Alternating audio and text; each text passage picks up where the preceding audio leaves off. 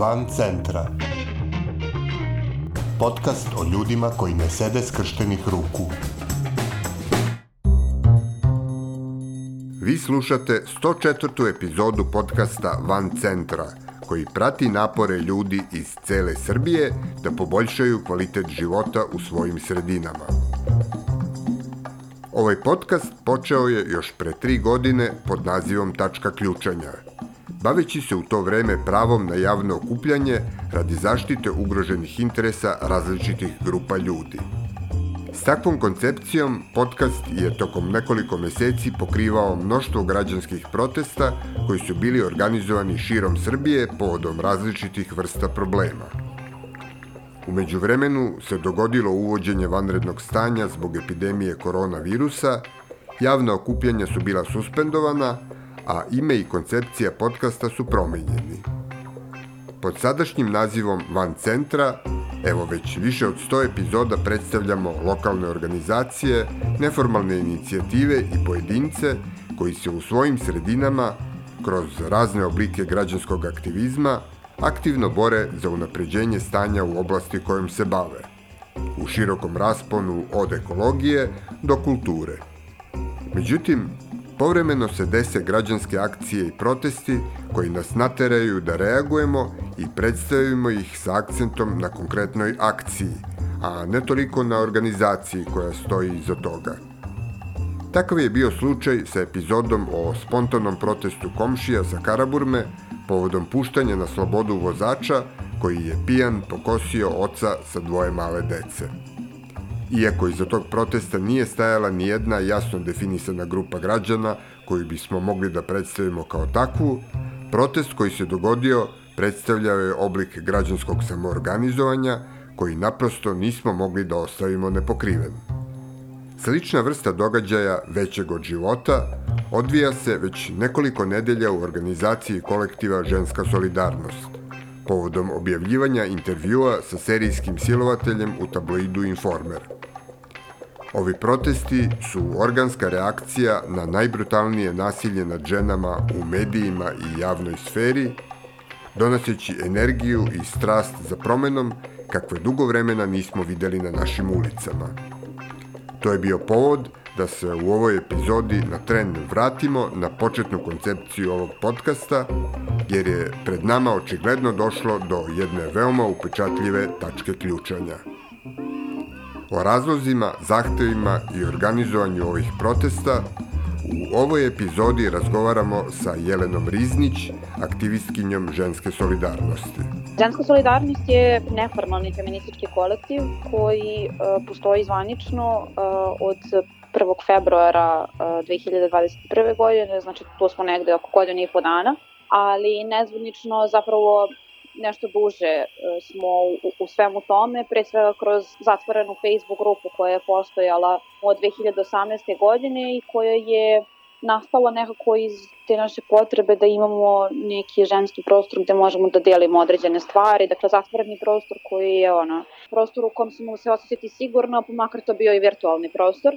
I ono što je specifično za uopšte nastanak i te Facebook grupe jeste to da a, su je osnovale pre svega žene koje su bile na neki način aktivne u različitim aktivističkim grupama i kolektivima, pre svega na levici. I onda smo vremenom shvatile da je važno da imamo nekakvu platformu na kojoj ćemo moći da reagujemo na uh, određene probleme. Svoj prvi, da kažemo, istup u javnosti smo imale kada je krajem 2020. početkom 2021. godine u, u medijima, pre svega na televiziji Happy, bilo priče i lažnih podataka o broju urađenih abortusa na godišnjem nivou u Srbiji.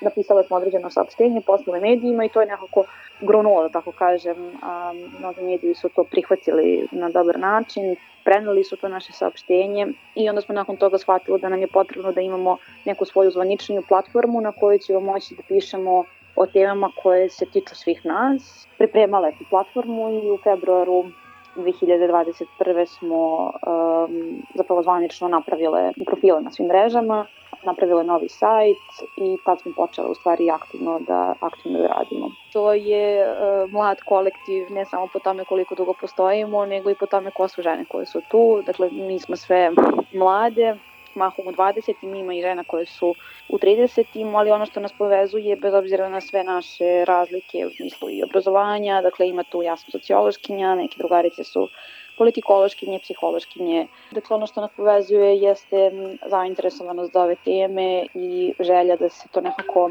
s jedne strane politički teorijski artikuliše, a sa druge strane da budemo nekako prisutne i na terenu. Vi, dakle, u svom nazivu imate tu sintagmu ženska solidarnost, što je izraz koji se obično u svakodnevnom životu koristi često sa nekom negativnom konotacijom. Na čemu je zasnovan taj pojam e, prema vašem shvatanju? Pa eto, e, ako odete na naš sajt i na naše mreže vidjet ćete da je centralna ta rečenica žena ženi, pa je ono Vuk precrtano, žena ženi solidarno piše, jer je to zapravo nešto što mi čujemo kroz odrastanje, e, da su nam žene u stvari najgori neprijatelji, e, imali smo ovih dana kada su počeli protesti i sva druga dešavanja, poruke od, pre svega od brojnih muškaraca koji nam kažu da se pazimo od drugih žena koje su gore od poturica, a mi sa druge strane ističemo to da je uh, istorija nekakve opresije nad ženama i nasilja nad ženama, istovremeno istorija borbe. I da su različite pobede koje su izborene zapravo rezultat ženske solidarnosti. I te pobede mogu da budu neke veće, borba za pravo glasa, borba za pravo na, na siguran i dostupan abortus, neka druga prava, ali kada spustimo na to neki niži nivo društvene stvarnosti, na lične odnose i slično, i dalje vidimo da su žene te koje najbolje mogu da razumeju um, specifičnosti ženske egzistencije i da u stvari uh, ne postoji ništa što je inherentno ženama da prosto budu loše prema drugim ženama. Mislim da je to nešto sa čim mi odrastamo u smislu da je to nešto što nam se kroz socijalizaciju stalno šalje ta poruka, zato što ženska solidarnost jeste opasna za sistem. Zato što kada se žene zapravo okupe, kada su solidarne međusobno, čudne stvari, magijske stvari se dešavaju. Um, prosto se dešavaju neke pobede i dešavaju se divne stvari ne samo lično, nego i politički. Mi ovih dana dok traju protesti stalno ponavljamo da smo mi nestranačka grupa, da su protesti nestranačka stvar, ali su takođe politička stvar. Svaki izlazak na ulice, svako ispostavljanje zahteva prema određenim institucijama, instancama drugog tipa, dakle to jeste politika. Nema zapravo feminizma i feminističkih politika bez ukazivanja na to da nas istovremeno tlači kapitalizam i patrijarhat, ali istovremeno moramo da razumemo i da su žene sa druge strane, čak i kada su neke političke neprijateljice, šta god takođe po određenim aspektima zlostavljane i onda jeste ženska solidarnost politička odluka da verujemo i toj ženi i da se borimo za sve žene. Zato što kada se borimo za recimo pravo na abortus ili pravo na život bez nasilja, istovremeno se borimo i za Jericu Radecu, na primjer, kao i za neku drugu ženu sa kojom se politički slažemo. Tako da je to u stvari ta vrlo jasna politička odluka da budeš tu za žene, a pre svega po toj osnovi, dakle da razumeš zajedničke interese, a da ostala politička pitanja na drugi način artikulišeš i da se boriš za, za njih. Vi ste dospela u fokus javnosti poslednjih nedelja e, zbog serije protesta koje ste organizovali e, posle intervjua o informeru sa serijskim silovateljem. E, da podsjetimo i da pojasnimo ko, ko nije ispratio u detalje, e, koji su zapravo e, konkretni zahtevi tih protesta? Pa prvi osnovni zahtev jeste da se intervju skine sa svih medijskih platformi, zato što je on, dakle, izvorno jeste objavljen u Informeru, ali i neki drugi tablidi su ga takođe preneli.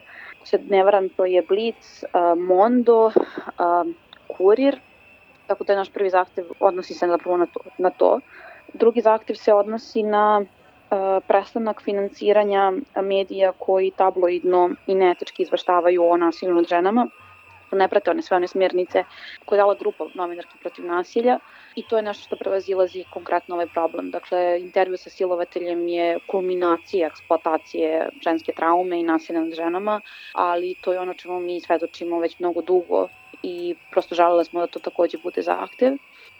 treća stvar jeste zahtev da svi mediji poštuju uh, smernice i etički kodeks, dakle smernice koje su dale opet novinarki protiv nasilja, ta grupa, i što one vrlo jasno taksativno objasnile kako se etički odnositi prema problemu nasilja nad ženama. I još jedan zahtev, pošto evo, mi smo prvi protest jeste bio takav, bilo onako stihijski, spontano, ispred informera i slično, ali već na sledećim protestima e, vrlo se jasno pokazalo da ti protesti ni za nas, koje smo ženske solidarnosti, ni za žene koje su došle, nisu samo to. Dakle, nisu oni samo protest uh, i to ono što mi stalno ističemo u medijima, to nije protest samo protiv informera, to je za pitanje, dakle, da, za, za to da u javnosti bude prisutno pitanje nasilja nad ženama i taj problem. I zbog toga jeste jedan od zahteva i uvođenje posebnog registra koji će beležiti sve osuđene silovatelje i druge nasilnike, pre svega u, u, po pitanju problema nasilja nad ženama, zato što taj uh, registar već postoji u slučaju uh, pedofila i onda želimo da se to primenjuje u slučaju nasilja nad ženama, nema razloga da tu postoje nekakve razlike i da se taj registar i zakon o tome zapravo um, napiše, formuliše u uh, komunikaciji i u dogovoru, odnosno kroz konsultacije sa ženskim organizacijama koje se bave pre svega podrškom uh, ženama koje su preživele neki oblik uh, muškog nasilja.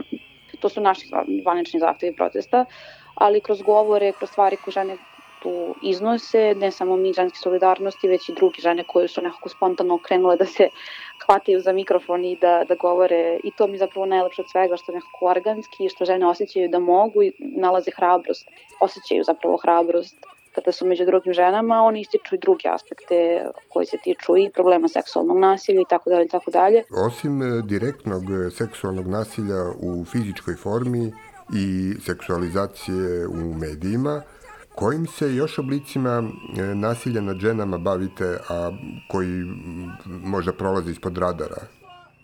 Pa da, mi smo zapravo imali tu kao nekakvu kampanju na društvenim mrežama prošle godine kada je bila priča o onim telegram grupama na kojima je bilo više desetina hiljada ljudi koji su delili intimne slike i snimke bez pristanka svojih bivših partnerki i tako dalje.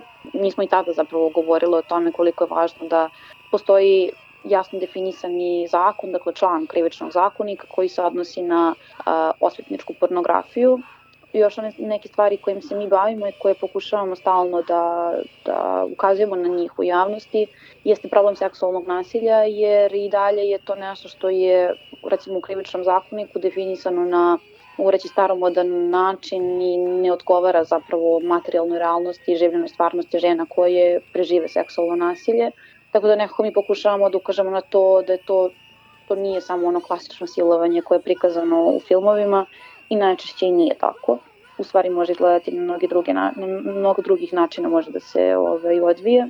I nekako na taj način pokušavamo da pružimo i podršku ženama koje vrlo često ne mogu da nađu, nađu na razumevanje i podršku svoje najbliže sredine kada kažu da su preživjela nasilje zbog toga što njihovo iskustvo ne odgovara tom a, filmskom a, prikazivanju a, seksualnog nasilja i silovanja I to je paradoksalno jedan od razloga zašto je toliko javnost u ovom trenutku a, bila zagrižana za priču o ovom silovatelju. Jer a, on nekako odgovara toj idealno tipskoj viziji slici silovatelja iz mraka. A zapravo nasilnici mogu da budu najrazličitije ličnosti, dakle to, to su i, i profesori na univerzitetu, to su i političari, Ženska solidarnost organizovala protest kao skup podrške zapravo devojčicama i ženama u Jagodini prošle godine kada se dešavalo sve tamo.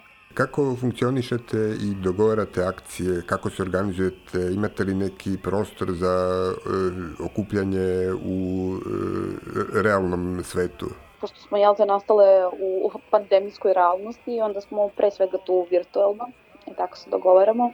I ne samo po pitanju akcija, nego i o planovima za objavljivanje na mrežama, o čemu ćemo pisati nadalje, čime ćemo se baviti, šta ćemo čitati na svojim čitalačkim sastancima. Dakle, da, to je pre svega virtualno, a evo od skorije i moje prostorije, odnosno možemo da koristimo prostor u, u magazinu Kraljevića Marka, pa je to jedna takođe opcija i to su neki načini kako, kako funkcionišemo. Naša politička odluka u ovom trenutku jeste da budemo neformalni kolektiv, mi smo tamo sve volonterke, bavimo se profesionalno drugim stvarima, ali da, naša odluka je da u ovom trenutku budemo volonterke, što znači da jesmo ograničene u određenom smislu resursima različitim gde ćemo se nalaziti, šta ćemo raditi, ali srećem postoje ovako neke varijante koje su besplatne. To su neke ideje za sada, a vidjet ćemo nadalje kako ćemo se prema tome odnositi, jer mi smo samog početka kako smo se oformile, naša ideja jeste da budemo pre svega prisutni u javnosti na ulicama i važno nam je da budemo u kontaktu sa ženama zaista in vivo i, i ozvučenje druge stvari koje, koje smo do sada obezbeđivale za, za proteste jesu bile e, što iz našeg džepa, od naših resursa, što uz solidarnu pomoć žena koje nas prate. Koliko nailazite na mušku solidarnost? Pa, mi smo pre svega fokusirane na žene. Na, na, naša ideja je inicijalno, kao što sam se rekla, bila da prosto imamo prostor koji je tu od žena za žene. No, ilazimo naravno na dobre komentare, ima ih i sarađujemo sa određenim, sa određenim muškarcima. Jedan umetnik, sada grafički dizajner, zapravo nam je pomagao oko dizajniranja uh, transparenata za ne ovaj poslednji proces, nego onaj prethodni. Naravno da ne ilazimo i na dobre komentare i uh, zapravo ono što je nama to negde najvažnije je ono kada nas pitaju, a često nas pitaju kao šta muškarci mogu, pa muškarci mogu da budu dobronamerni i da nekako znaju da niko od nas ne misli da su svi muškarci loši, ali ono što znamo jeste da se svaka žena u svom životu uplašila zbog nekog muškarca. Naravno da mi možemo da pišemo i mi pre svega radimo na osnaživanju žena, to je ono što je nama važno, ali istovremeno važno je da muškarci budu izloženi pozitivnom primeru dobrih muškaraca i oni koji su tu nekako na strani žena. Ovo je protest za žene, protiv eksploatacije ženske traume i ženskog straha.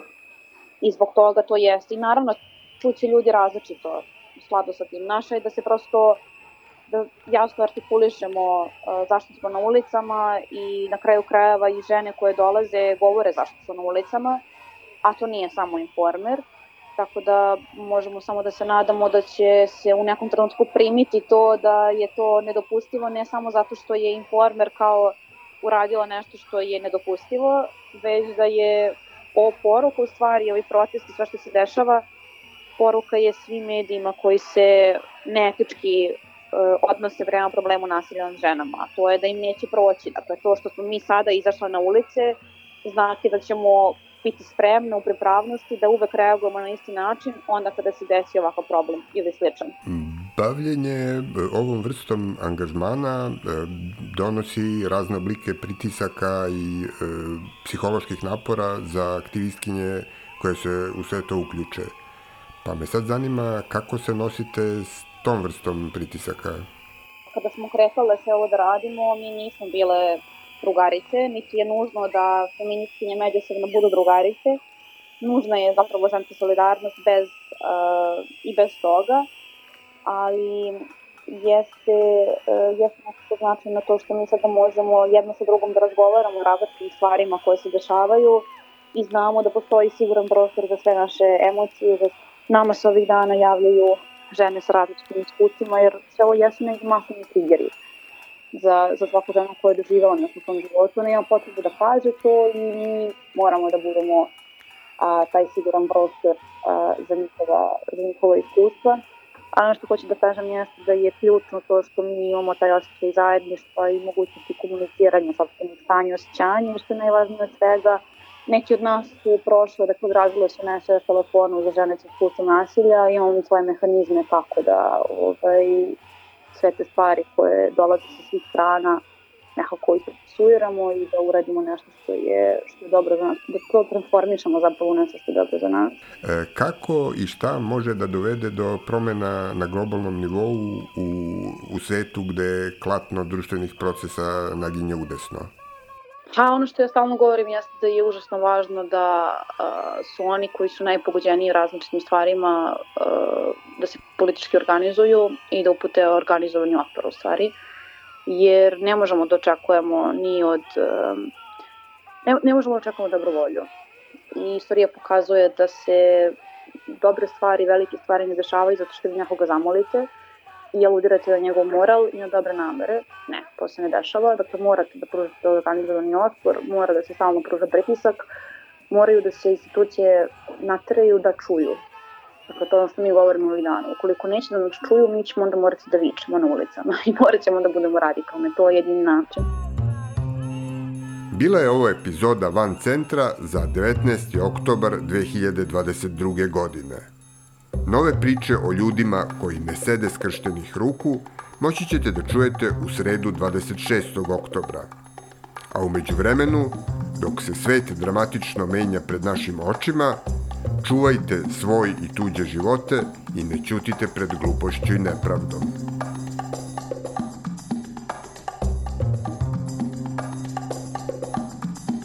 Van Centra je autorski podcast koji se realizuje uz podršku građanskih inicijativa. Stavovi izneti u emisiji nisu nužno stavovi redakcije podcasta Van Centra, niti udruženja građanske inicijative. Redakcija Katarina Đukić, Miodrag Mrkšić i Aleksandar Gubaš. Urednik i voditelj Aleksandar Gubaš. Muzika i Logical Beat i Ben Sound.